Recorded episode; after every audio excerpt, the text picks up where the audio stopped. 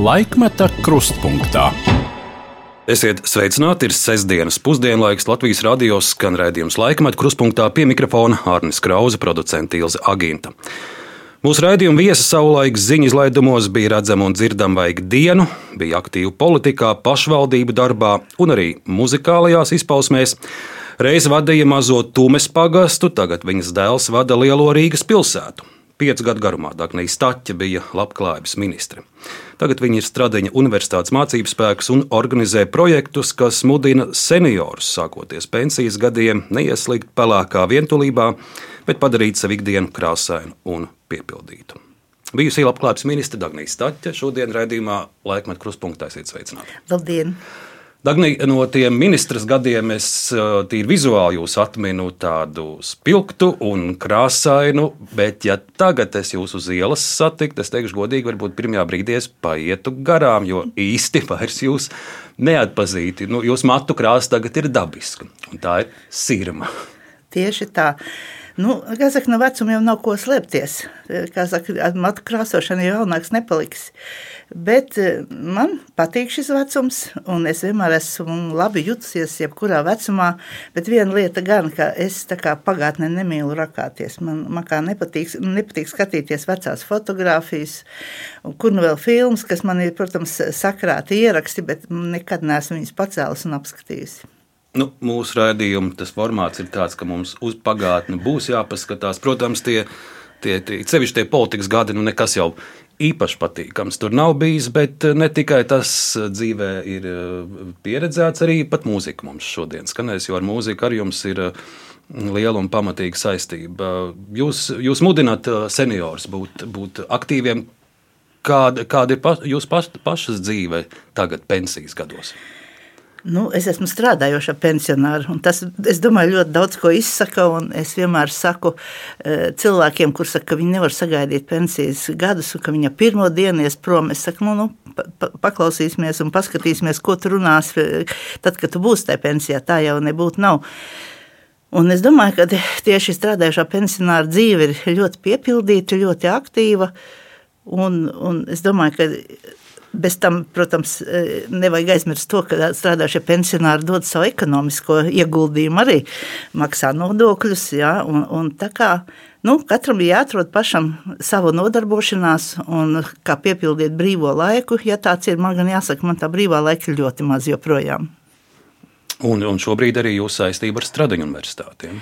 Jā, tā ir. Es esmu sociālā darba prakses vadītāja īstenībā zināmā mērā esmu atgriezusies pie tiem laikiem, kad es strādāju Rīgas pedagoģiskā skolā, vesels desmit gadus, kad es vadīju praksi topošajiem muzikas skolotājiem. Tā kā man tas, protams, ir pilnīgi cits profils, bet eh, tāpat interesanti man ir sasaiste ar eh, sociālām iestādēm dažādām, un jāsaka, ka varbūt, ka man politiskā darbība šajā gadījumā ir ļoti palīdzējusi, jo es ļoti daudz cilvēku pazīstu, kuriem es varu runāt un zinu, eh, ko viņi var izdarīt, kā viņi to var izdarīt, un studentiem atrast to labāko.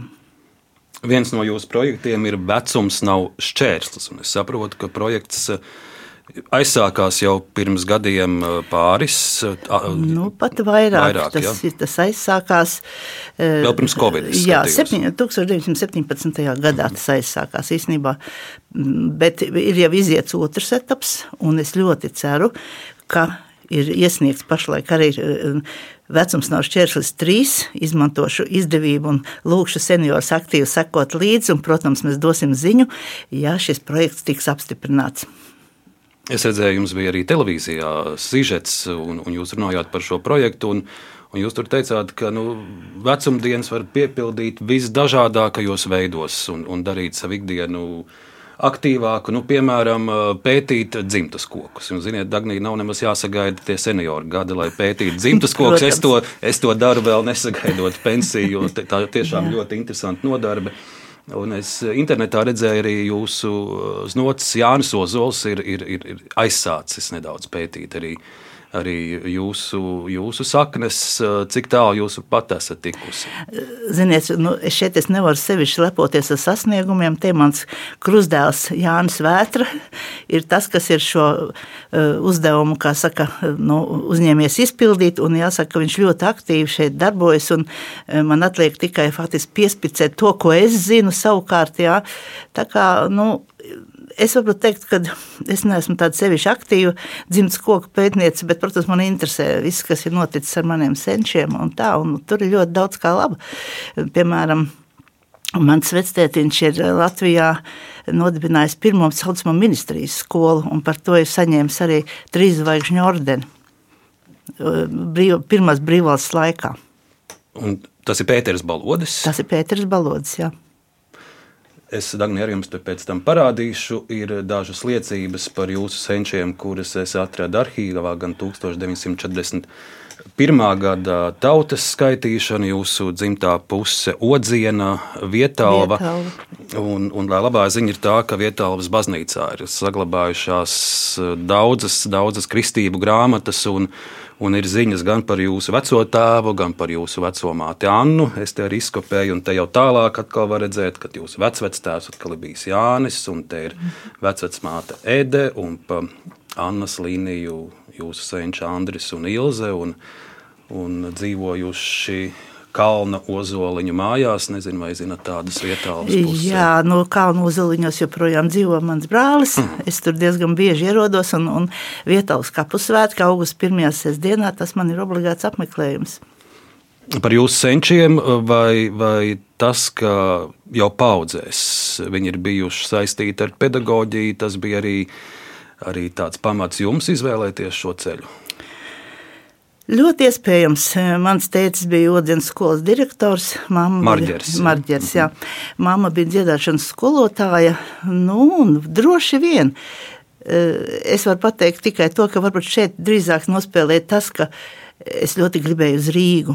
Rīgas pedagoģiskā skola bija tā, kas man iekrita, protams, prātā uzreiz, un man ļoti gribējās, un, un es nevienu minūti nenožēloju, ka es tā arī izdarīju eh, tas bija laiks, kad, nu, kā jau jaunības dienās, protams, ja, es domāju, ka tas bija liktenis, jo, ja mēs tā skatāmies cauri gadiem, tad tas ļoti ietekmējis ir manu dzīvi, manu personīgo dzīvi, un, protams, arī darba dzīvi, viennozīmīgi. Par Rīgas pedagoģijas skolu man viens stāsts ar vienu ir prātā. Šķiet, tas bija vai nu tikko mēs iestājāmies Eiropas Savienībā, vai īsi pirms tam es biju panorāmas korespondents Briselē.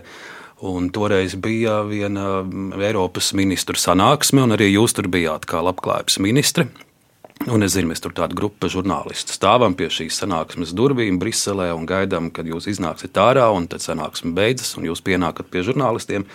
Un pirmais, ko jūs darat, jūs pagriežaties uz mani un saka, Arni, vai jūs zinat, ka es ar jūsu mammu kopā jaunībā mācījos? Nu, protams, es to nezināju, tā kā eh, tāds stāsts ir palicis prātā. Tas Jā. tieši bija pedagoģiski. Jā, skola. tieši tā, mēs tur arī satikāmies, mēs vesels četrus gadus dzīvojam kopmīt nevienā istabiņā. Ak, tāpat. Jā, un, un kā saka, mēs dzīvojam desmit meitenes, tad, kad es strādāju pedagoģiskā skolā, tad es aizgāju uz to istabiņu, un tur dzīvoja tikai četras, bet mēs bijām desmit, un, un nemaz ne nejūtāmies ne saspiestas, nekā, nevienu otrai kaut ko traucējām.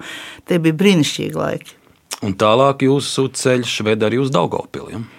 Jā, nu tā sanāca, ka Nu, tā ka izglītība augstākā tomēr jāiegūst, kaut arī es jau biju nostrādājusi jau septiņus gadus pēc Rīgas pedagoģiskās skolas beigšanas. Un, protams, arī Daugopils ir ļoti nozīmīgs posms manā dzīvē, kurā es esmu iegūsi un joprojām draudzējos un uzturu ļoti labas attiecības, piemēram, ar Reiniku ģimeni, kas ir mani kursbiedri. Jā, tā kā Dacerēnika. Jā. Dacerēnika, jā, protams, jā, tie mani kursbiedri. Ulrichs Markelevičs tolaik arī Daugopilī mācījās, bet viņš aizgāja uz mūzikas akadēmiju, tolaik konservatoriju. Tā kā Tā kā ir Bruno Cabulis, kā jūs zināt, televīzijā, kurš strādā. Kas, ja, arī, jā, jā, jā, tie ir mani kursbiedri. Un Dagnija tieši ar Daugopils periodu saistās arī pati pirmā reize, kad jūs esat pieminēta presē. Varbūt vēl bijusi kāda, bet es to atrodu kā pirmo reizi, un tas ir 1981. gads publikācija laikrakstā Padomju jaunatne. Un šī raksta nosaukums ir Aiz azara augsti kolni un mazs citāts. Rīgā divas dienas viesojās Daugopils pedagoģiskā institūta mūzikas pedagoģijas nodaļas mācību jauktais koris. Tajā dzied visi mūzikas pedagoģijas nodaļas latviešu plūsmas studenti no 1 līdz 4 kursam pasniedzēja Pētera Truļa vadībā. Un tālāk te arī teikts, ka Programmā galvenokārt tika iekļautas 4. kursa valsts eksāmena diplomu darbu dziesmas, savas spējas mūzikas pedagoģijā centās pierādīt Dace Mežiņa, Ojārs Burmistris, Dagnijas Staķe un citi studenti. Spilgtu iespaidu atstāja Dagnijas Staķes vadībā apgūtās Brāmsa rekviēma otrās daļas skanējums. Cik interesanti, es tādu publikāciju nemaz nezinu. Paldies, ka jūs to pateicāt. Es arī saviem kursabiedriem varēšu ziņot, ka mēs esam esam pieminēti, jo tie visi mani kursabiedri mm -hmm. tiešām. Un, un Rīgā spēlējāt Brāmas rekvijiem. Jā, Brāmas rekvijiem, jā. Otro daļu es atceros ļoti labi, vēl tagad ausīs skan. Un kaut kur es lasīju, manīju, ka arī ar, ar, ar pušamiem instrumentiem ar jums ir kāda saistība. Nu, ļoti liela, ļoti liela. Nu, tas, protams, jau pieminētā pedagoģiskā skola, kas teica, ka viņi ļoti ietekmējusi manu dzīvi, gan dažādos veidos, gan personīgi un tam līdzīgi. Jā, tieši pedagoģiskā skolā, trešajā kursā, es sāku spēlēt mežragu. Un, jā, un bija tāda lieta, ka tolaik ņēma mūsu puikas armijā, un skolas pūtē orķestris palika bez muzeķiem. Nu, Hermans Eglītis, mūsu diriģents un pasniedzējs, teica, meitenes, tagad ir jūsu kārta. Man vispār ļoti nepatika, godīgi sakot, bet nu, tā bija tā kā spiesta lieta, jo man obligātais instruments bija akordeons. Un tieši 79. gadā, kad es mācījos trešajā kursā, nodibinājās Rīgas Politiskā institūta studentu pūtēja orķestris, jeb SPO, kuram starp citu nu pat 5. martā apritēja 54 gadi. Mm. Jā, es jopro, joprojām satiekos ar, ar šiem muzikantiem, un starp citu arī savu vīru satiku šajā orķestrī. Tātad pedagoģiskā skola. Tas viss kopā nebūtu, kā saka, pedagoģiskā skolas, nebūtu šī pušmā instrumenta, droši vien būtu pavisam savādāk. Mana mamma arī teica, ka, ka Dagnija esot tā, tā salīdzinoši retā dabas dāvana, absolūtā dzirde. Nu, es gribētu domāt, gan, jā, vai tas varētu visādas kurjos pastāstīt par šo lietu. Tagad jau, protams, to var stāstīt. Jā, vienmēr mani kursabiedri ir ļoti mocījušies ar saucamiem diktātiem. Un jāsaka, ka absolūtā dzirde ir arī manam kursabiedram Artūram Rēnikam. Un mēs izdomājām tādu, tādu lietu, ka mums vajadzētu no rīta, zinot, zinot to, ka pasniedzējs spēlē no rīta to diktātu mācās, un mēs ar Artūru abi divi aiz durvīm viens pirmās divas balsis, viens trešo, ceturto, un mēs to diktātu faktiski norakstījām aiz durvīm. Pārējie, protams, mums rakstīja līdzi, un praktiski diktāts mums bija gatavs jau uz eksāmenu. Tā kā šī absolūtā dzirde varbūt ļoti mums ir palīdzējusi, ne tikai man, bet arī kursabiedriem. Šis ir dziesmu svētku gads, cik liels dalībnieku pulks būs no jūsu kuplās dzimtas. Jums tur ir, jūs paši tur veselu koru varētu salikt. Kopā. Nu, ja, ja mēs tā runājam, tad eh, kurs pasaulē, kuru vada mana, mana meita un, un znots, eh, faktiski tika dibināts jau kā tāds dzimtas koris, un, un kurā joprojām dzied, kā saka, brālēna māsīca, tas pats man pieminētais Jānis Vētra, viņa māsa Anna un, un, un Valters. Un, protams, ar laiku šis koris ir, kā saka, jau darbojas jau 14. gadu, tā kā tas tiešām tā arī bija. Rīgas mērs ar tur dzied. viņš dziedāja, jā, dziedāja, un, kā saka, viņš vienmēr saka, viņš ļoti labprāt dziedās. Viņš ir brīnišķīgs tenors, viņš pat Jāņu, Jāņu vakaram solo dziedā dziesmu svētkos jūs eh, esat bijusi gan skatītājos, gan arī dalībnieku rindās? Jā, protams. Eh, pirmo reizi tas bija 1970. gadā, kad es spēlēju pultēju orķestrī. Tolēk jau pūtē orķestri nebūtu nebija tik daudz un, un nebūtu jau, kā saka, eh, tik lielā skaitā. Un, un tā, tā kā bija tāda eh, vecu onkuļu lieta, tā vismaz uzskatīja. Mēs bijām tā tāds piemērs, ka arī jauni cilvēki ar to var nodarboties. Jā, es esmu bijusi kā, gan arī korī, piemēram, te pašā Daugavpils periodā, korī Daugava es dziedāju, es esmu Tukuma eh, korī Vanēmu dziedājusi un tā, tā kā, bet, nu, jāsaka, man tomēr tagad patīk labāk klausīties. Es, es apzinos, ka es vairs nevaru tā iznest to visu, kā vajadzētu. Un, protams, es ļoti atbalstu senioru kursus tieši kā sociālu vienību, bet tas ir ļoti labi, bet man pašai nav vēlēšanās, protams, iet un, un dziedāt. Es labāk klausos. Tad nu tūlīt arī paklausīsimies vienu arhīvu fragment. Tas būs no Latvijas radio fonotēkas. Uh, senākais ieraksts, uh, kur Dāngnē jūsu balss ir fiksēta, ir 1999. gada jūnijā. Mūzikas raidījums Aplis, raidījuma vadītāja Inta Pīrāga. Un raidījumā tiek stāstīts par Emīla Melngāļa 125. jubileju Bīriņu pilī. Paklausīsimies jūsu dalību šajā raidījumā. Dagnijas Taķe. Es esmu eh, Tūmas pagasts priekšsēdētājs un, protams, arī Tūmas kora dalībniece. Ļoti aktīvi dziedātāji. Jā, nu pats par sevi mana specialitāte ir mūzika. Tas jau vienkārši būtu laikam kaut kas tāds pretdabisks, ja nedziedātu pagastu korī. Vai iedalīšanās tik nacionālā konkursā tā ir jūsu diriģenta iniciatīva, vai arī jums tur aktīviem dziedātājiem bija kāds vārds sakām? Es domāju, ka jebkuram korim ir jābūt mērķim sezonā.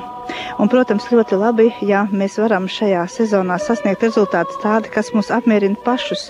Un runājot par tumsu koru, mēs tiešām esam ļoti gandarīti, ka mēs esam iekļuvuši to 13 laimīgo skaitā, kas dzied finālā. Un, godīgi sakot, mēs tiešām esam šajā sezonā sasnieguši savu mērķi. Vai arī mums Emīls Melngailis ir viens no mīļākajiem komponistiem? Tomēr ne tik daudz ir tās tautas dziesmu apdares, ko skandina katrs kors. Vai ar šiem svētkiem jūs esat iepazinuši Melngaili tuvāk, vai esat vairāk izdziedājušies viņa dziesmas? Man ir ļoti tūs autors, sevišķi oriģināls dziesmas. Un es ļoti lielu prieku eh, dziedāju, spēlēju spēli mani. Nu, kas attiecas uz, uz vienbalsīgo dziedājumu, vajadzēja un gribas jau parādīt sevi no dažādām uh, pusēm. Nu, kā tas iznāca, tas ir žūrijas eh, kompetencē, protams, bet katrā ziņā es domāju, ka tieši melngaļu mūzikas popularizēšanā šie svētki ir devuši ārkārtīgi daudz, jo es nemaz neslēpšu, ka eh, šeit faktiski ir vajadzīgs tādas ļoti diezgan pamatīgas zināšanas mūzikā, lai melngaili varētu tā pa īstam iemīlēt.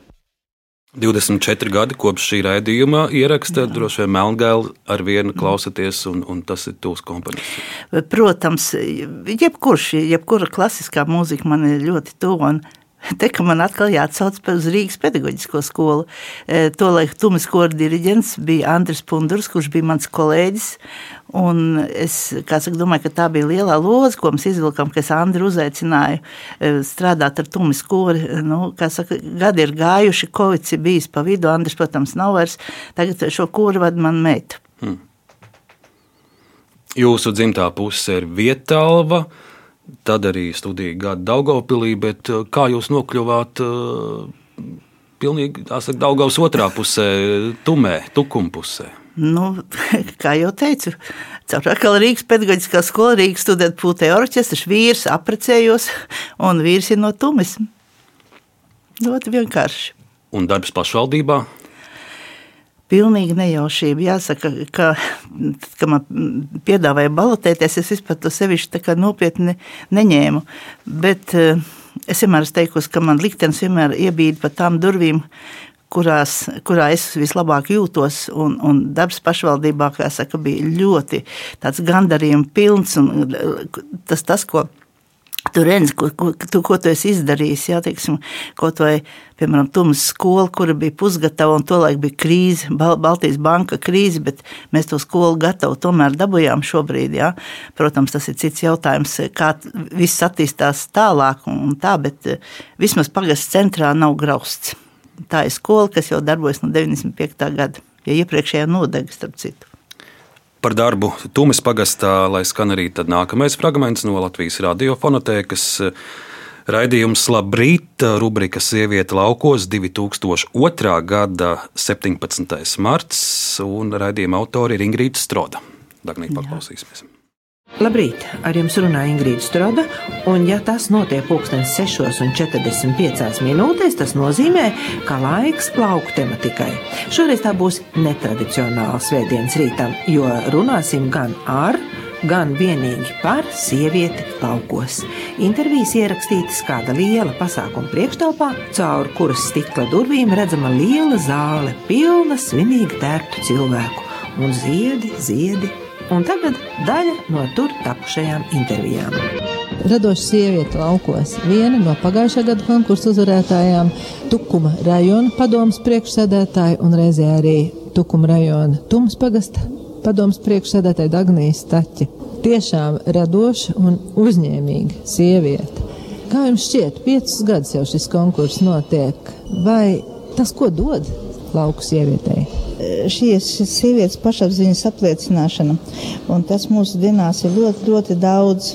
Mēs pat īsti paši neapzināmies, cik mēs esam vajadzīgas, varošas, radošas, jo mums viss liekas pats par sevi saprotams, bet cik tas ir ārkārtīgi patīkami, ja kāds mūs ievēro, novērtē, nu kā jau sievietēm vispār tas ir ļoti patīkami. Vīriešu asais prāts ir mācējis novērtēt arī jūsu aso prātu. Starp citu, es ievēroju, ka Augusts Brigmans jūs nosauc kā vienu no iespējamām kandidātēm pat kāda ministra amatam. Es domāju, ka tas ir ko vērts. Es domāju, ka katram ir sava sūtība, vispār varbūt jānovērtē. Un, ja teiksim, kāda no mums jūt, ka mēs varbūt varam izdarīt vairāk nekā sava pagasts, sava rajona iedzīvotāji interesēs. Es domāju, ka tas vienkārši ir jādara. Nav svarīgi tas, kādā mēs partijā šodien, šobrīd atrodamies, ja mēs meklējam amatus. Zemnieku savienība pēc manas pārliecības ir mana partija. Un katrā ziņā, ja manas partijas biedriem ir kāds zināms potenciāls, kādas sfēras varbūt tādā izzināšanā un tālākā pilnveidošanā, bet Es varu tikai pateikt vienu uz priekšu, un nav nozīme, vai tas ir vīrietis vai sieviete. Galvenais, ko katrs sevi jūta, ko katrs spēj, un kas tas attiec uz mani pašu, es darīšu visu, ko es varēšu. Šobrīd man nebūtu nav tas moments, kad es gribu varbūt sevi reklamēt vai kā. Es tiešām eh, kaut ko saprotu no šīm lietām, ko sauc mūsu valstī par kultūru un izglītību. Tā vienkārši ir mana sfēra, tas ir mans lauciņš, un galu galā tas arī ir mans hobijs. Nu, lūk, Ingrīda Strode, kā paredzētām, tur pat ilgs laiks nepagāja, un, un tiešām arī aicinājums uh, kļūt par ministri nāca, un, un jūs sākāt arī darbu valdībā. Jā, bet to laiku vispār man nebija ne mazākā nojausma. Tie bija tikai vārdi, varbūt. Es pat, pat neatceros vispār, kad Brigmans kaut ko tajā laikā būtu tā teicis. Man tas tiešām šis piedāvājums nāca ļoti, ļoti negaidīti. Tas jau bija tad, kad es atceros, valdība jau bija nodibināta, starp citu, jau bija, bija apstiprināta, un, un pēc diviem, divām nedēļām vēl nebija labklājības ministra. Nu, un, un, un, jāsaka, tas bija zvans, un es sapratu, ka dzīvē vispār nekad nevajag atteikties no tā, ko piedāvā. Jo acīm redzot, tas ir kā vienmēr, kā es saku, tas ir liktenis, un tas tā bija vajadzīgs. Kaut arī es toreiz saku, ka kultūra izglītība man tūs sfēras, kas ir joprojām, bet man jāsaka, sociālā sfēra man tomēr ir vadījusi ļoti ilgi un vada vēl joprojām. 2002. gads, Jā. novembris ir tas brīdis, kad jūs pieņemat šo aicinājumu kļūt par ministru. Jā, 2002. gads un 21. novembrī es tiku apstiprināta saimā. Pie tā ministrēšanas laika mēs uh, vēl pieķersimies pēc brīža, bet es gribu vēl vienu stāstu jums parādīt no panorāmas arhīva, un tās, es pieņemu, arī būs skaistas atmiņas, jo tas būs uh, stāsts uh, arī par jūsu pieminēto un atjaunoto skolu. 2000. Mm, gada 1. septembrī panorāmas lauku korespondents Jānis Dimants dodas Jā. uz, uz jūsu pagastu. Viņš arī Eh, viņš arī veidojas reportāžu par citām tukuma puses skolām, un uz dažām arī ir Vairvīģa Freiberga prezidenta atbraukus 1. septembrī. Es nezinu, vai bija arī Tumē. Nē, bet Zemītas skolā, Zemītas skolā bija. bija un, un jāsaka, ka toreiz bija šausmīgas lietas Zemītē bijis tajā laikā, un tumē vispār nebija neviena mākonīša. Tā, starp citu, jau bija skolas otrā kārta. Mm -hmm. Pirmā kārta bija 95. gadā un 2000. Pirmajā gadā tā bija skolas sporta zāle un ēdnīca. Tā bija otrā kārta jau. Izlījušos mazos bērnus, un arī, arī prezidentu Freibergu, Dagnī, mēs tūlīt arī fragmentiņā redzēsim no 2000. gada 1. septembra. Uznāca pamatīgs lietus gāziens. Taču Zemītes pamatskolas audzēkņi, viņa vecāki un skolotāji nenobijās. Nenobijās arī valsts prezidente. Norunātajā stundā viņa bija klāta. Un ir visiem labi, ja pēkšņi uznākušā lietus mākoņa nedarbus var vērst gluži vai par debesu svētību. Man liels prieks būt klāt šajā vēsturiskā brīdī, kad zemītes skolas bērni varēs sākt mācības agrākajā barona pilī. Un bērniem es novēlēju šīs lietas, kas te nolīja, kas te pārlīs par šo atjaunoto ēku, gluži kā šampānietis, kad jaunu kuģi laiž jūrā, lai šis sveitīgais debesu ūdens par jums pārlīs, dod jums veselību un spēku, lai jūs varētu zelt un augt. Jaunais mācību gads ar gana nozīmīgu plauksmi sācies arī Tumes pagastā. Šeit tapusi skolas piebūve ar plašu sporta zāli un ļoti mājīgu zālīti, kur visiem ieturēt maltīti. Tas vajadzīga ienīca skolā obligāti. Bet savādāk jau nebūs spēks mācīties. Un galu galā cilvēks vienmēr ir labestīgāks, ja viņam ir, ja viņš ir paēdis, viņam arī darbi labāk veicās. Un šis gads mūsu pagastā būs īpašs ar to, ka mēs pirmo reizi svinēsim trīs izlaidumus. Pamatskola pats par sevi, Mums arī būs pirmais izlaiduma gads mūsu vidusskolā un pirmais gads mūsu augstskolas filiālē, kas atrodas mūsu skolā. Tās laukos. Jā, es gribētu teikt, vienīgajā vietā Latvijā. Pat Jānis Dimants ir izbrīnīts tālos laukos augstskolas filiāle. Nu, nav nemaz tik tālu lauki, tomēr es domāju, ka ļoti tuvu Rīgai un Tukumam nav jau tā. Šādi mirkļi droši vien ir tas, ko jūs no, no sava darba un pieredzētā atceraties ar prieku. Protams, protams, tas tiešām ir. Tad vairs netiek skaitīts nekādas darba stundas, vai negulētas naktis, vai kā savādāk, bet, protams, tas ir ļoti patīkami. Vēl viens fragments no panorāmas 2001. gada aprīlis. Teritoriālā reforma ir iesniegta ministru kabinetā. Toreizējais premjerministrs Andris Bērziņš kritizē pašvaldību ministru Jānu Krūmiņu. Citēju par pārsteidzīgu izrunāšanos, tomēr valdība plāno sākt skatīt administratīvi teritoriālo reformu un uh, panorāma aptaujā pašvaldības, pašvaldību iedzīvotājus, arī pašvaldību vadītājus. Un te es redzu, ka toreizējā Tumes pagasta vadītāja Dagnija Stāķa ir ļoti piesardzīga un skeptiska par šo pašvaldību reformu. Man būs interesanti dzirdēt, kā, kāds ir jūsu skats šodien, bet 2001. Eh, gadā mm, jūs uzskatāt, ka visam ir jāpaliek tā, kā ir. Paklausīsimies arī fragment no panorāmas. 102 novadu koncepcija paredz Tukuma novadu veidot no Tukuma pilsētas un sešiem tuvējiem pagastiem. Tume un Smārda ir to skaitā. Arī vairāki pagasti, kas pēc plāna nav iekļauti novadā, piemēram, Pūri, izteikuši vēlmi pievienoties tieši Tukuma novadam. Pagasti ir ieinteresēti pievienoties bagātākajai pilsētai. Juris Šulcs savu vadīto pilsētu uzskata par tādu. Tomēr viņš baidās, vai pilsētas spēkos būs uzturēt nabadzīgākos pagastus. Tā rezultātā nomals var kļūt vēl nepievilcīgāks. Tagad nabadzīgākās pašvaldības saņem mērķa dotācijas no valsts. Tukuma pilsēta pašvaldību izlīdzināšanas fondā dod 20 miljonus latu, bet Tukuma rajona pieciem pagastiem nepieciešami vairāk nekā 80 miljonu latu. Es domāju, ka tas nav uh, normāli. Tomēr Tukuma pilsētas vadītāji daļēji var pieskaitīt pie reformas piekritējiem, jo tas esot labs ceļš, kā novadam attīstīties. Apvienojoties, Tukuma novadā pēc plāna dzīvotu 28 tūkstoši iedzīvotāji. Tā budžets būtu 3,5 miljonu latu. Tukuma rajona Tumas pagasta vadītāja Dagnija Stiķa, viņas vadītajā pagastā dzīvo aptuveni 2000 cilvēku, vēl joprojām neredz nopietnu argumentu reformas nepieciešamībai. Ceļi ir sakārtoti, pārvaldes izdevumu aptuveni 17,000 latu. Viņas prāt, tā nav liela summa. Nesen ar Degolas pagastu panākt vienošanās par vienu pagastiesu divu vietā. Mēs esam savā pagasta robežās izdarījuši daudz ko tādu, eh, kas varbūt eh, ir bija vērsts uz līdzekļu ekonomiju. Tā ekonomējot līdzekļus, slēgta viena skola. Tas atmaksājies, un tagad viņi priecājas par šo lēmumu. Nu, šeit uh, panorāmas sižetā minētā Dagnija Stiķa ir tā pati Dagnija Staķa, bet tas nemaina lietas būtību, ka jūs bijāt piesardzīgi par, par visu šo reformu. Jā, un man jāsaka, ka manas domas sevišķi nav mainījušās. Jo arī, ja es vēl varēju tā zināmā mērā samierināties ar šo reformu, kas bija nu, iepriekš, 2009. gadā, tad tagad es vēl šos augļus neredzu, godīgi sakot. Kaut arī laiks jau ir zināms pagājis, pagājis bet tas, ka teiksim, nav tāda pagastā, tāda kopības sajūta, tas gan ir fakts šobrīd. Uh, Jo, nu, bez šaubām, es saprotu, ka laikmets diktē savu, kā saka, ir, ir, kā saka, ir digitāli, ir pieejami jebkuri pakalpojumi, kaut vai zemes nodokļu nomaksāt vai kā savādāk.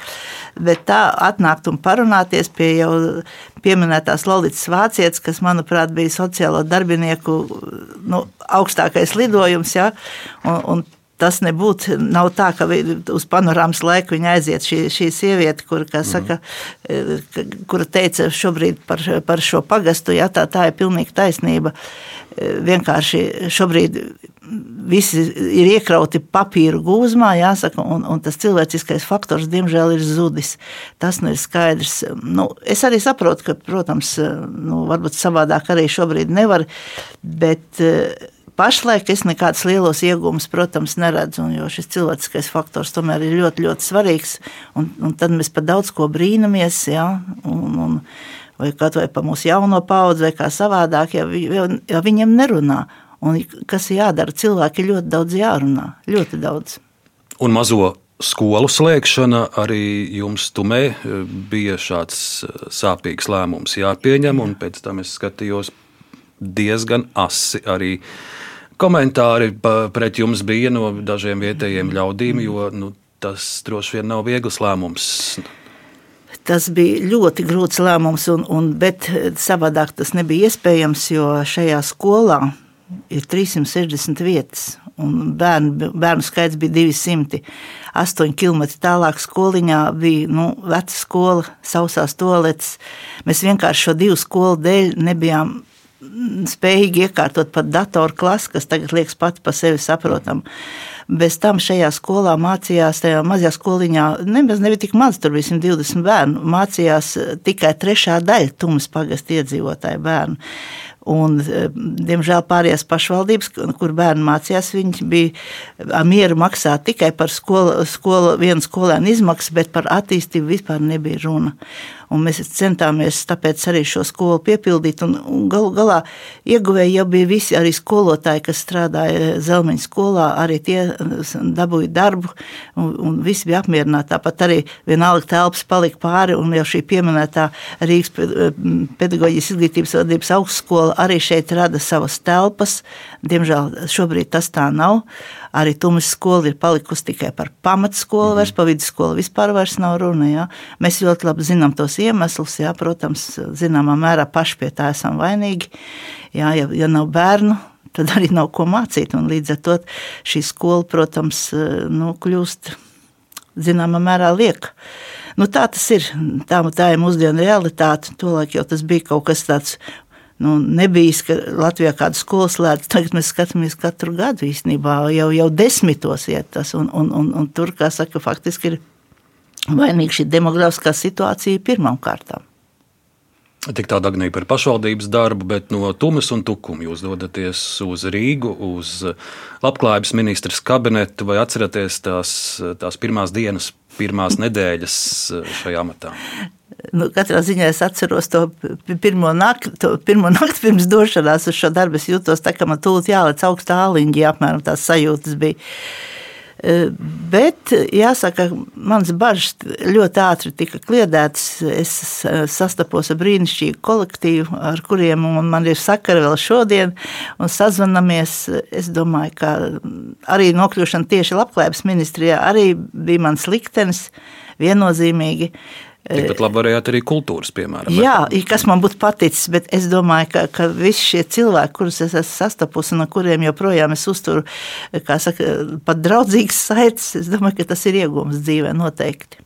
Nezinu, vai jūs atminat ministra samatā, viena no pirmajām jūsu vizītēm ir došanās uz Sabili, jo pāris mēnešus pēc jūsu stāšanās amatā Ziemassvētku priekšvakarā Sijā rojas konservi Sabilas filiāles vadība atlaiž gandrīz 300 strādniekus, neparedzot izmaksāt arī algu kompensācijas, un jūs to laiku to nosaucāt par ļaunprātību pret strādniekiem un uzdevāt darba inspekcijai materiāls sagatavot un nodot tos prokuratūrai. Tikāties arī ar šiem strādniekiem. Mazs fragments no panorāmas sižeta, sižeta autora Māja Migla, 2003. gada 3. janvāris.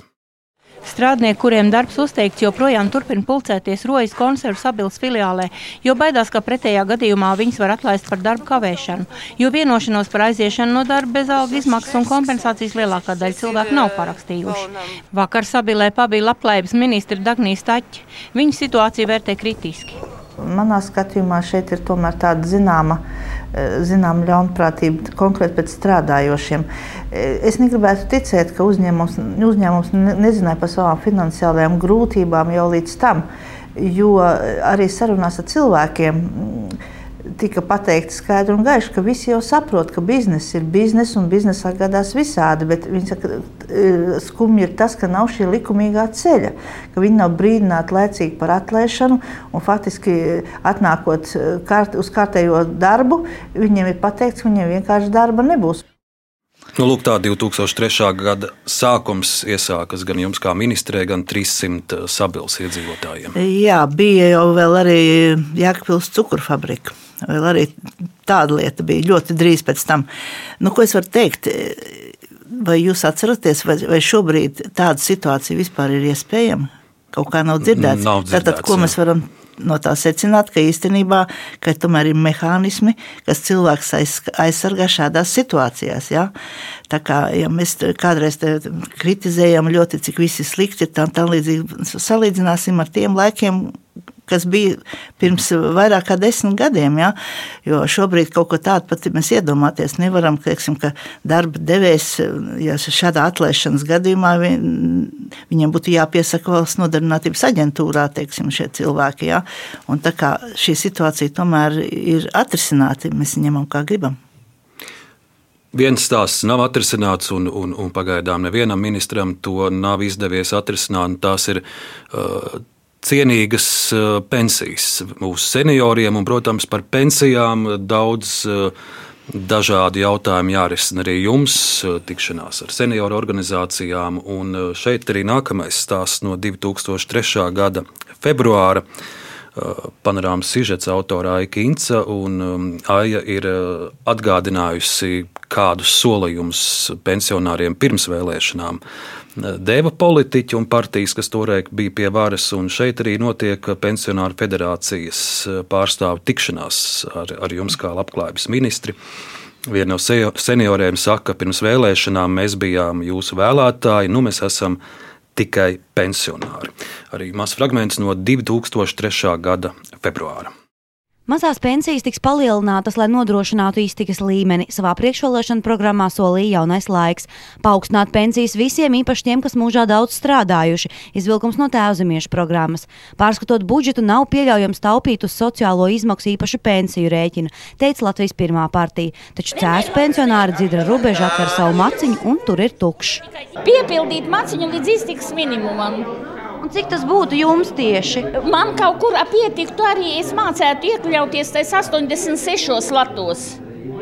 Jo tomēr cilvēkam pa mūžu kaut kas zināšanas ir sakrājušās.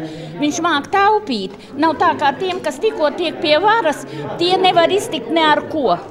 Ceturtā daļa no visas Latvijas iedzīvotājiem ir pensionāri, un lielai daļai pensija nesasniedz iztikas minimumu. Es vienu dienu nepēdu, nu nekas. Nomirusi un es otrā dienā maizīti ar tevi, bet es atbraucu. Man gribas dzīvot cilvēku cienīgu dzīvi. Šodien Labklājības ministra, Veselības ministrijas valsts sekretārs un vadošās koalīcijas deputāti gan apgalvoja, ka nav aizmirsuši priekšvēlēšanu programmas, bet vienīgais reālais solījums ir pensiju indeksācija rudenī un solījums no nākamā gada ar piemaksu sistēmu valsts garantētās pensijas palielināt par 15 latiem. Ja mēs tā pareiķinām, mums vajadzētu 24 miljonus. Principā tā nav maza summa katrā ziņā, bet eh, es ļoti ceru, ka šāda nauda atradīsies. Jo, jo tas ir skaidrs, ka eh, šī indeksācija, protams, ir, ir eh, laba lieta, bet, diemžēl, tā dzīves dārdzība ir skrien uz priekšu daudz straujāk. Dzīves dārdzība skrien uz priekšu. Jā. straujāk par indeksāciju. Jā. Nu, te man tomēr gribas teikt, ka eh, šo solījumu par šīm piemaksām par nostrādātiem gadiem tomēr mēs izpildījām. Un ja sākumā tie bija 17 centīmi, ja nemaldos par gadu, tad tie jau izauga līdz vienam latam vēlāk, protams. Un es ļoti ceru, ka arī atradīsies um, jaunai valdībai nauda, lai varētu piemaksāt tiem cilvēkiem, kas pensionēs pēc 2012. gada. Mm -hmm. nu, es domāju, ka tomēr iespēja robežās tieši pensiju uh, lietās, tomēr jau tā jau nav, ka tas netika izdarīts, piemēram, kaut vai uh, mana kolēģa bijušā auguļa laikā, jā, kā jūs atceraties, ja, kad, kad tika sakarā 2008. Krī, gada krīzi, tika tā, zināmā mērā iesaldēts visas tās pensijas, bet, bet pēc tam viņas tika pārēķināts, un katrs tomēr arī savos maciņos saņēma šo pārēķinu, ja, un, un tā summa nemaz nebija maza, es atceros, tā bija pat simtos, ja. E, tā kā tomēr arī krīzes laikā, tagad pandēmijas laikā, pareizāk sakot, tomēr pensionāriem atbalsts bija, to mēs nevaram neviens noliegt, ja. E, tā kā skaidrs, ka pensijas un naudas vienmēr būs par maz. To mēs visi nekad neviens neteiks, ka viņam pietiek. Jā, viennozīmīgi tas ir skaidrs. Tā kā es negribētu teikt, ka nav nekas darīts un tikai solīts, ka es tagad skatos šos partijas solījumus pirms vēlēšanām 2002. gada, tad es varu teikt droši, ka tas ir izpildīts. Protams, iespēja robežās, jā, jo, nu, ja mēs ņemam vērā šo principu, ka tomēr e, pensijas rēķina no tā, no kā ir faktiski iemaksāts. Tā ir taisnīga sistēma. Un eh, katram tomēr ir arī tagad sevišķi jauniem cilvēkiem par to jārūpējas. Jā, man jāzina, ka es nevaru strādāt eh, uz aplokšņa algas, ka man tomēr ir jākrāj. Un jā, pēc tam Es arī klausos, arī zinām, mākslinieki saka, ka viņam pensija tur ir 270, un man gribas pajautāt, ja, teiksim, kā tā ar to nodokļu maksāšanu savā laikā ir bijis. Nu, patīk mums vai nepatīk nodokļus maksāt, bet nodokļi, diemžēl, ir jāmaksā. Nepavēlts saka, ka šīs lietas ir neizbēgams divas, jā, nāve un nodokļi. Jā. Tas nu, daudz to apjauta tikai tajā brīdī, kad bija šīs eh, Covid pabalstu nauda un Un tad tikai daļa ļaudis saprata, ka viņiem taču par viņiem nav maksāts. Viņi par to nav domājuši. Jā, un atbalstu jā, nevar saņemt. Tieši tā. Nu, protams, viens tāds, viena tāda laba lieta bija, kas veicināja krasu pieaugumu sociālā budžetā. Tas bija tā saucamais māmiņa algas. Ja nemaldos, tas bija 2006. gads. Jā, un, un tad jaunie ļaudis ļoti ātri saprata, ja es nebūšu maksājis nodokļus, tad es šo māmiņa algu nesaņemšu. Un līdz ar to bija vērojama ļoti liela, kā saka, uzreiz pieaugums sociālajā budžetā. Tā kā, e, nu, ir dažādi veidi, kā var veicināt nodokļu maksāšanu, ja, bet es domāju, ka šobrīd cilvēki tomēr apzinās to. Protams, nekad jau nebūs tā, ka visi to apzināsies. Jā, tad nebūsim, kā saka, naivi. Bet tomēr tas, ka tavs sociālais nodrošinājums ne tikai pensija, bet arī slimības nauda un bezdarbnieku pabalsts, tas tomēr ir atkarīgs no tā, kā par tevi iemaksājas tu, pat, tu pats un darba devējs. Turpināsim par uh, jūsu darbu labklājības ministra samatā. 2003. gads ir arī dziesmu svētku gads, un kā jau jūs raidījuma ievadā minējāt, uh, lai kādos amatos un cik saspringti darba grafika būtu, dziesmu svētkus nevar palaist garām. Un, uh, par to liecina arī 2003. gada 30. jūnijā sižets panorāmā. Tā autora ir Ilza Jaunauksne, un viņa arī ir fiksējusi, ka, ka notiek koru skate un universitātes aulā skatītāju. Pirmajās rindās, jāsaka, ir arī Dagnija Stāķe. Palūkosim šo stāstu. Savukārt pie universitātes aulas pulcējas sieva un vīru kori, kur skaits gan strauji sarūk. Vecākais un jaunākais nacionālā vīru kora dalībnieks zina, kā situāciju glābt. Es domāju, ka par to vajadzētu domāt Latvijas sievietēm, lai vīri neiznīktu. Vajadzētu vairāk izstaigāt pa skolām, pieaicināt un ieinteresēt jauniešus. Dziesmu kori līdz šim izpelnījušies vislielāko publikas atsaucību. Nevēl tiem laiku atvēl pat ministri. Man, piemēram, šodien bija vienkārši tāds emocionāls brīdis, kad es noskatījos senioru koru mēģinājumus. Tas tikai nozīmē, ko cilvēks var, ja viņš labi grib. Un es redzēju arī cilvēkus invalīdus, kas ar, saka, nu, man vienkārši es varu tikai apbrīnot šo cilvēku varēšanu un gribēšanu būt kopā ar dziesmu. Lai arī mazpilsētu un senioru koriem būtu iespēja reiz kāpt uz uzvarētāju piedestālu, šogad visi kori sadalīti deviņās kategorijās ar iespēju katrā no tām būt vislabākajam. Tā nav liela revolūcija visumā dziesmu svētku vēsturē.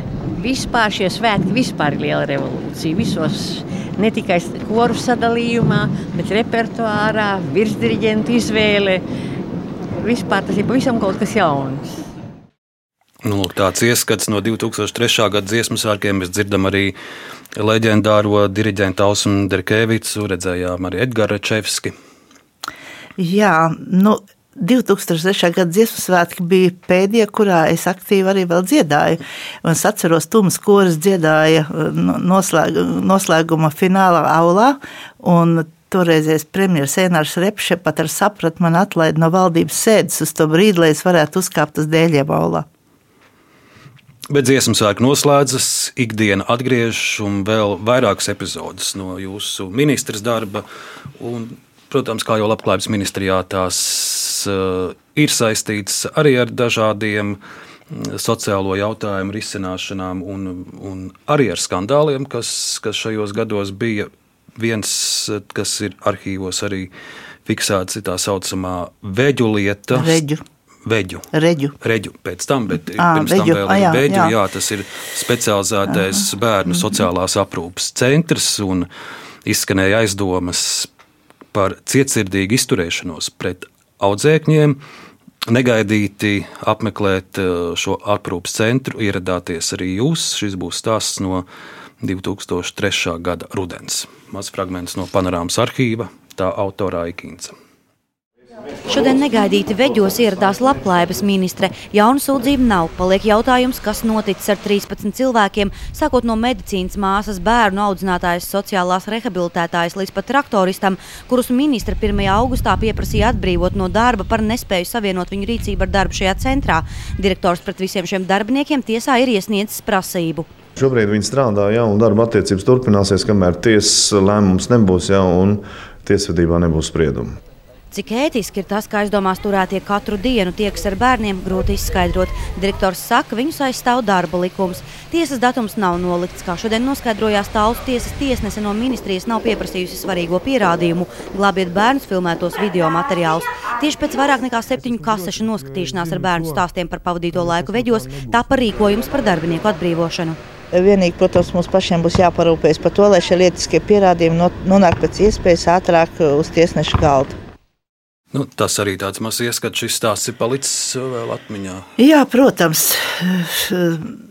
Tā pašā laikā man jāsaka, ka varbūt šeit uh, bija arī šāda sajaukta tāda cietsirdība pret, varbūt, pret arī tādu, kā saka, pavisam citu lietu, kā darbinieks darbinieks pats sevi aizstāv. Jā, teiksim, man arī teica, tāda, kā saka, tīri trausla eh, auklīt. Viņa teica, kā jūs domājat, jā, ka man 16 gadu jauneklis nāk man virsū, ko te lai es daru, man taču jāaizstāvas ir.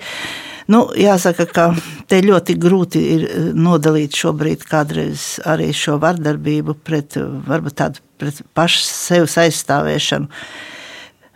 Es varu tikai apbrīnot tos cilvēkus, kas strādā šajās iestādēs. Tas ir bezgalīgi grūts darbs, un, un es ceru, ka arī nākošā gada budžetā kaut kādas algu paaugstinājums arī šiem cilvēkiem ir domāts, jo darbs ļoti, ļoti komplicēts un grūts. Un, un zināmā mērā, par cik šīs sociālās aprūpas iestādes atrodas laukos, un laukos ar bezdarbu ir tā, ir, kā ir bieži vien tas šī faktiski iestāde vienīgais darba devējs. Ja, tā kā īstenībā īstas izvēles jau arī nav.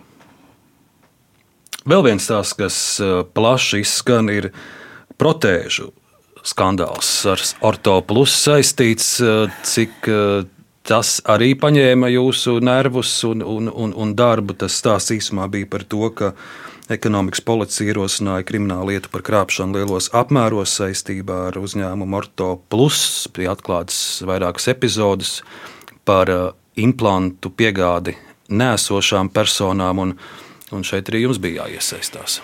Jā, es to ļoti labi atceros. Atceros ļoti spilgti arī to sēdi. Te bija runa par 700 latiem, kā šodien atceros. Un es arī runāju pēc tam ar, ar um, imigrāciju, imigrācijas nu, darb, departamentu darbiniekiem. Un kāpēc tas tā varētu notikt? Viņi saka, ka, piemēram, ziņas par mirušiem cilvēkiem aiziet krietni vēlāk nekā tad, kad tu jau esi piegādājis kādu preci.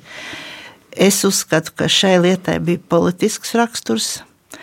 Tolaik vispār sākās tāda ļoti liela, kā saka, nu, tāds presings pret mani tieši. Ja? Un es atkal šodien atceros, ka uh, ienāca Kārlis Šadurskis un bija kaut kāds skandāls. Pirms tam bijis arī satiksmes ministrijā. Un Kārlis Šadurskis toreiz saka, kolēģi, ko mēs te runājam? Tikko bija runa par diviem miljoniem satiksmes ministriem, mēs te pa 700 latiem tagad matus skaldam. Ja?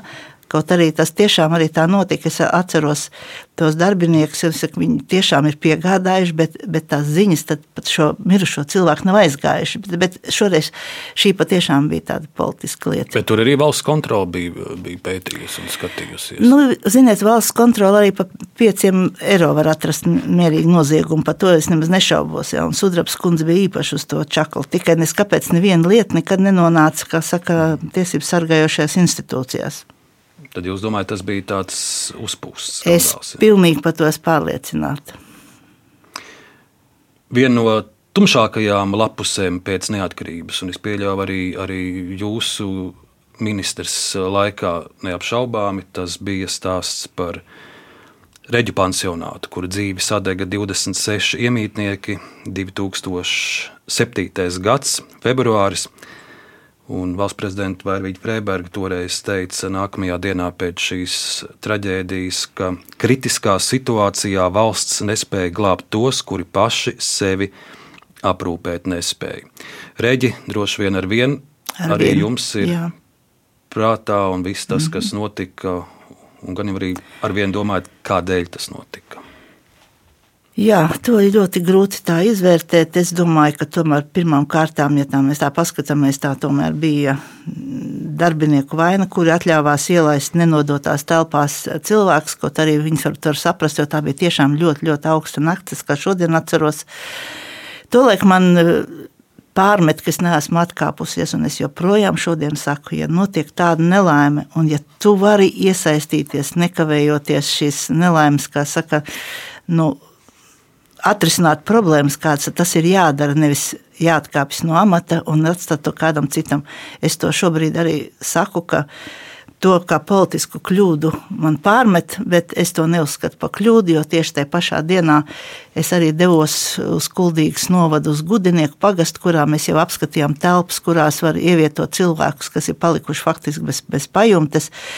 Jā, un, un Es atceros, es atkāpos tajā dienā, kad bija saņemts būvniecības ekspertīzes slēdziens par to, ka mm, drīkst uzsākt šos pārbūves darbus šajā gudinieku bērnu dārzā. Es uzskatu, ka man tā bija jārīkojas. Es domāju, ka atkāpjoties, es domāju, ka es būtu izdarījis ļoti lielu kļūdu. Šī reģu traģēdija izgaismoja arī ļoti daudz nepilnības eh, sociālās aprūpes centros. Pēc traģēdijas uzreiz tika veikts pārbaudas. 132 uh, pansionātos, un te ikvienā tika atklāts kāds ugunsdrošības pārkāpums. Daudzos no pansionātiem nebija ne evakuācijas plāna, ne trauksmes iekārtu, un jūs arī uzreiz pēc tam tikāties ar iestāžu direktoriem, lai, lai, lai lemtu, kā, kā lietas sakārtot, lai nekas tāds vairs neatkārtotos. Paldies Dievam, ka tas nav atkārtojies es ļoti ceru, ka zināmā mērā kaut kas tomēr ir, ir bijis, bijis sausais atlikums šai sanāksmē, un tiešām nekad vairs kaut kas tāds nenotiek. Jā, tā bija ļoti melna diena ne tikai manā ministrs mūžā, bet, bet vispār kā cilvēka mūžā. Nākamajā dienā pēc šīs melnās dienas jūs dodaties uz Rīgas pili kopā ar toreizējo iekšlietu ministru Ivaru Godmani un uh, par šo traģēdiju runājot ar valsts prezidentu Vairvīģu Freibergu. Arī fragments no 2007. gada 27. februāra sižeta autora Karina Rubene. Uz tikšanos pie valsts prezidentas iekšlietu ministrs Ivars Godmanis šodien ieradās ar melnu dokumentu mapi rokās. Tajā apkopoti ziņojumi par traģiskās nakts notikumiem Alsungā. Kopā vēl ar labklājības ministrs sarunās tika aizvadīta nepilna stunda. Fakti paši par sevi liecina, ka valsts visās savās kopējās izpildēs kopā ar pašvaldībām šī gadījumā vienkārši nav bijis savu uzdevumu augstumos. Mēs neesam bijuši spējīgi cilvēku dzīvības nosargāt. Ministru rīcībā esošā informācija par uguns izcelsmes vietu joprojām ir pretrunīga. Staķa, balstoties uz pensionāra direktoras teikto, apgalvo, ka liesmas sākušas plosīties otrajā stāvā, bet godmanis citējot ziņojumu pauž, visdrīzāk pirmajā izdegās bēniņi. Izpētot norādītos izdegumus, pensionāta otrā stāva grīdā konstatēja pirmais. Izdeguma raksturam nav ugunsgrēka cilmvietai raksturīga pazīme. Otrais izdevuma norādītajās vietās grīdā radušies nokļūstot termiski energoietilpīgākiem degošiem priekšmetiem. Tas, ka uz grīdas kaut kas nokrīt degoši. Prezidente norāda, galvenais ir, kas tiks darīts, lai šādas nelaimes neatkārtotos. Tāpat kā Igars Kalvītis, arī Vairavīķa Freiberga uzskata, ka labklājības ministres demisija neko neatrisinātu. Nav jau tā, ka viens cilvēks par to ir atbildīgs. Tur ir vesela cēloņa ķēde, un būtiskākais ir rūpēties, lai mēs tagad šķetinātu visu to atpakaļ un katrā ķēdes posmā kaut ko darīt, lai nākotnē tādas lietas neatkārtotos. Pati ministre gan turpina norādīt, ka liela daļa vainas jāuzņemas sociālā aprūpes centra direktorei. Tieši viņa bija atbildīga, ka naktīs pie pansionāta iemītniekiem atradās tikai viens sanitārs. Tāpat ar viņas ziņu norisinājās nelikumīgie mansardīs būves darbi. Traģiskākais ir tas, ka tur atradās cilvēki. Teiksim. Protams, direktori noteikti būtu noformējis līdz galam, viņi dabīja dabūjis projektēšanas atļauju, ja, bet, bet cilvēki tajā brīdī tur nedrīkstēja atrasties.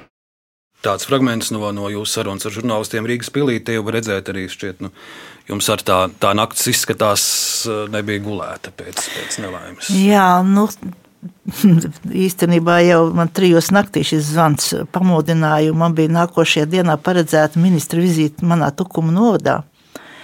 Un es biju, saka, atbraukusi jau, jau ar mašīnu, kā saka, lai, lai, kā saka, lai nu, šoferi neapgrūtināja tajā reizē, jā, pat cik es pati dodos uz tukumu. Nu, jāsaka, nu, varbūt zināmā mērā tas arī bija tas, ka es varēju ierasties jau piecos no rīta tur šobrīd. Nu, tas, ir, nu, tie, tas tie skati ir vienkārši tie uz mūžu, ir, tas ir skaidrs.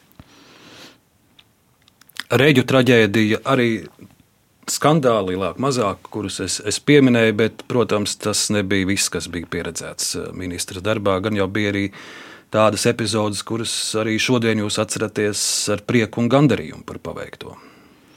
Jā, protams, noteikti. Interesanti ir tas, ka es katru piekdienu devos tikties ar cilvēkiem, un tās bija lielas auditorijas. Un, ziniet, bija arī tādi gadījumi, kad cilvēki ceļas kājās un saka, paldies jums par to, paldies par to. Daudz jau nevajag īstenībā, ja kāds tev pasaka paldies, tad, tad tas ir milzīgs gandarījums, protams, bet es varu teikt, ka liekot roku sirds, ka budžeta iespējās mēs izdarījām nemaz tik, nemaz tik man, kā saka, neizdarījām, nu, es, es reģi, laikam man tāds satriec, ka es nevaru vairs tā normāli parunāt, jo, nu, daudzas sociālās lietas eh, tika izdarītas varbūt tieši tajā brīdī, kad premjerministrs bija Aigars Kalvītis. Kaut arī, kā saka, mēs Kalvīti varbūt nepamatot kādreiz tā eh, mēdzam, kā saka, nu, aizskat. Es, es gribētu teikt, ka es kā no sava labklājības ministra posteņa, es gribētu teikt, ka tika ļoti daudz izdarīts. Kaut arī, es, kaut arī nu, ja es atceraties, tad šķēles laikā tika strādājušiem pensionāriem pensijas atņemtas. Un bija obligāti jādeklarē, ka tāda lieta notiek, jā, un bija daži cilvēki, kas to nedarīja, un viņi uzvarēs atversmes tiesā. Un es gāju pie premjera un teicu, mums ir jādod visiem atpakaļ šī nauda. Kalvīts teica, jā, tā ir augšā papīrs. Protams, ka tā ir jādara. Jā, nu, ļoti vienkārši tās lietas. Jā, tāpat arī bērnu piedzimšanas pabalsts tika ļoti krasi palielināts. Bija ļoti daudz labas lietas izdarīts faktiski tajā laikā arī. Tā, tā nav tikai pensionāra ministrija. Tā ir faktiski ir cilvēks no šūpuļa līdz kapam ir labklājības ministra, ministrijas apgādībā. Tagnē, jūs no politikas aizgājāt, bet tikmēr uh, jūs dēls Mārtiņš Staķis ienāca politikā un šobrīd ir eh, Rīgas mērs. Eh, vai, vai jūs ar viņam kādu padomu dodat, vai viņš pats eh, liels un gudrs? Nu, es varu tikai analizēt un, un viņam izteikt, ko es domāju šajā sakarā, bet eh, viņam, protams, ir pašam sava galva, tas ir skaidrs. Bet tie principi īstenībā ir pavisam citādi. Tagad īstenībā ir vairāk jāstrādā tieši ar koalīcijas biedriem nekā ar opozīciju. Tas, tas ir bijis vienmēr, ja? un, un to arī, kā saka, tas darbs arī pierāda, ka tas tā, protams, ir eh, ka saimnieciskās darbības tur, protams, arī ir svarīgas, bet ir svarīgi, lai dabūtu pareizos balsojumus. Es katrā ziņā necenšos viņam dot padomus, jo tiešām viņš ir cilvēks, kas domā pats ar savu galvu, un tāds viņš vienmēr bijis. Jūsu gadi politikā gan jau jūs ir eh, rūdījuši arī pret dažādiem interneta komentāriem, pret dažādiem aizskārumiem, vai tagad, kad jūs redzat, ka eh, kādas Mārtiņa darbības tiek eh, nicīgi komentētas, nu šie staķa stabiņi un, un, un, un kas tik vēl ne, vai, Vai tas jums tā, tā iedzeļ sirdī, vai, vai jūs to laižat pāri? Ziniet, nē, man tas nedzeļ, tāpēc, ka es zinu, kā tas viss notiek un kā to visu dara. Es domāju, te arī man ļoti ir palīdzējusi tieši politika pārdzīvot to visu. Es domāju, ja es nebūtu bijis tajā visā iekšā, droši vien es nevarētu naktīm gulēt, bet tas tā nav. Es to vienkārši uztveru tā ļoti, ļoti mierīgi. Es ļoti labi uh, zinu, kas notiks. Aha, skaidrs, ir apmeklējums, kā mēs zinām, uz šo pašu skapi saucamo. Skaidrs, nākamā rindā ir neatkarīgā. Protams, es varu vaļās, kā tad, protams, kad ir skaidrs. Es, es jau paredzu, kas būs no tā visa. Ļaudis arī jums mēģina izteikt kādus uh, ieteikumus, komentārus par, par Mārtiņa darbu. Nu, piemēram, tagad uh, karsts temats ir, ko, ko Rīgā ar vairākiem pieminekļiem darīt. Jā, nu pieminekļus gan, protams. Kaut kā pat, pat citiem varbūt nē. Es atceros, vienkārši man viens, viens kungs prasīja, kāpēc viņš tos stabiņus? Es viņam prasu, vai viņam traucē?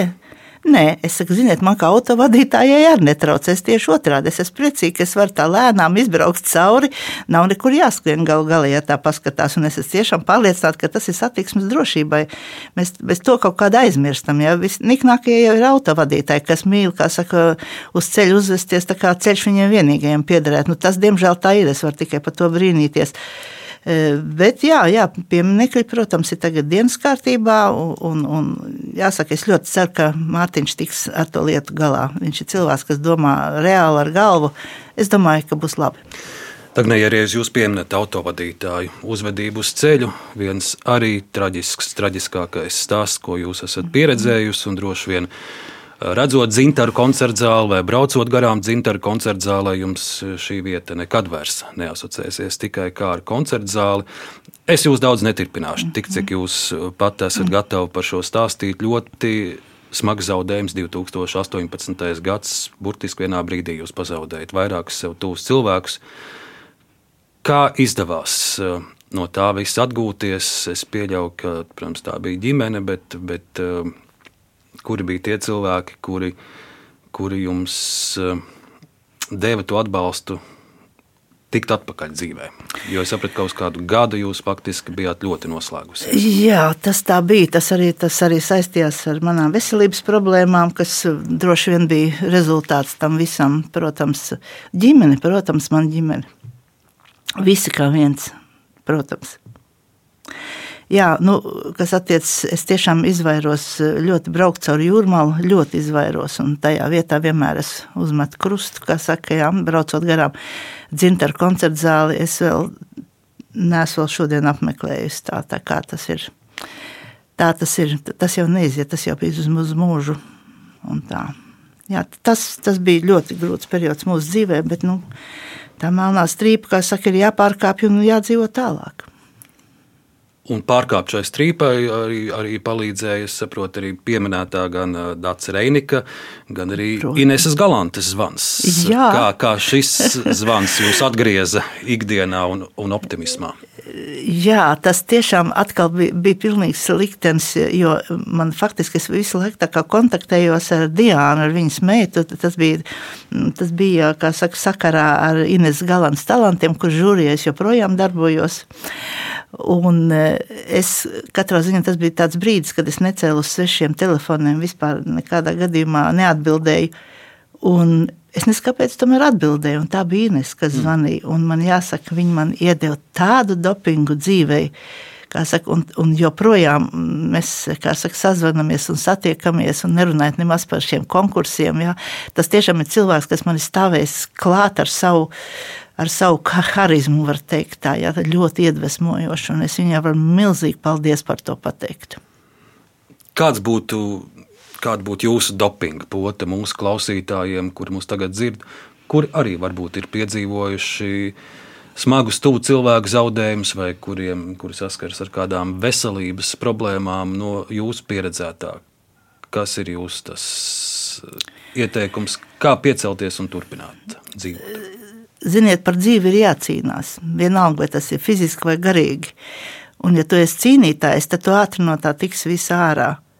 Protams, varbūt izklausās viegli jau pateikt, jā, bet es ļoti labi zinu, kā tas ir cīnīties par savu dzīvību, cīnīties par savu, kā saka, tīri tādu psihisku veselību, ja, teiksim, kas varbūt tevi sagrauj momentā, un kad nāk vēl viss komplektā kopā. Bet, jā, te, protams, varbūt arī zināmā mērā palīdz arī mans darbs ka man tāds darbs ir. Es, es kā saka, nekad nedomāju, ka es vēl atgriezīšos darbā, kur es gadu nemaz ne, nebiju. Bet, jā, tas, tas viss dod tādu spēku un izturību, kā saka, turpmākajam. Tā kā nekādā gadījumā nevajag nolaist spārnus. Es saprotu, viegli pateikt, grūti izdarīt, bet jāizdara. Un spēku dod arī dziesma, mūža mūžos būs dziesma. Šis ir dziesmu svētku gads eh, Dagnija meža parkā, kur ir tā dziesma, kur, kur jūs jau tagad ar nepacietību gaidat, ka jūs gribat dzirdēt, kā lielais kopkoris to jaunajā izstrādē dziedās. Jā, nu jaunā estrāde ir vienkārši brīnišķīga. Es drīkstu tā, nedaudz atkāpties. Es pirmo reizi šajā estrādē biju, kad bija kokaru dziesmu svētki saucamie. Jāsaka, ka eh, dabā šie estrādi ir daudz iespaidīgāki nekā mēs esam pieraduši redzēt. Un, un toreiz eh, tas dziedātāju pulciņš bija ļoti, ļoti neliels, bet es, es brīnījos, kā var piedziedāt šo estrādi. Es, protams, ļoti gaidīšu Jāņa dziesmas, kuras dirģēs Jānis. Jānis Ozols. Ozols jūsu meitas vīrs. Tieši tā. Es, es ļoti labi zinu, cik lielu darbu viņš ir ielicis. Un, un šī dziesma, kā, liekas, ka viņa tāda, tāda nu, kas ir Jāņa dziesmas, bet viņa korī ir ļoti, ļoti grūta. Es tiešām ar ļoti lielu nepacietību gaidīšu, un Jānis tiks ar to dziesmu galā. Un tas ir liels gods un liela uzticēšanās nokļūt uh, virsdiriģentu rindās. Un tas droši vien ir liels darbs, un jūs esat redzējis, kā, kāds bija šis ceļš uz virsdiriģenta godu. Jā, nu, to gan es esmu redzējusi, un redzu arī tagad.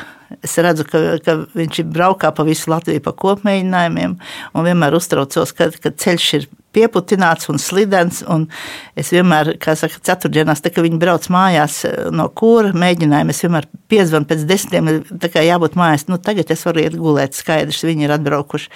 Jo tas tomēr ne tikai fiziski grūts, bet ir tā emocionāli. Jā. Tas, tas nav tik vienkārši viss. Un, un mums katrā ziņā ir jāpalīdz eh, kaut vai uh, radīt gaisotni tādu, lai šim cilvēkam spēks strādāt. Un es savukārt, Dagnī, redzu jūsu acīs eh, prieka, lepnuma, asaras eh, par savu Jāni, par savu muzikālo ģimeni. Gaidīsim dziesmu svētkus. Paldies par jūsu šodienas stāstiem, par emocijām. Pieminējām gan gaišus, gan tumšus brīžus, bet raudzīsimies ar gaišu skatu nākotnē. Jā, paldies. Dziesmu svētki ir mani vienīgie svētki, patiesi vienīgie svētki bijusī politiķe, labklājības ministra, pašvaldības vadītāja, bet sirdī mūziķe un mežraga spēlētāja. Dagnijas Taķa, Dagnija, liels paldies jums par sarunu! Paldies! Raidījuma autori Arnis Krause, Ilza Aginta, Elizabete Šaicānova un Reinis Budze. Turpiniet klausīties Latvijas radio!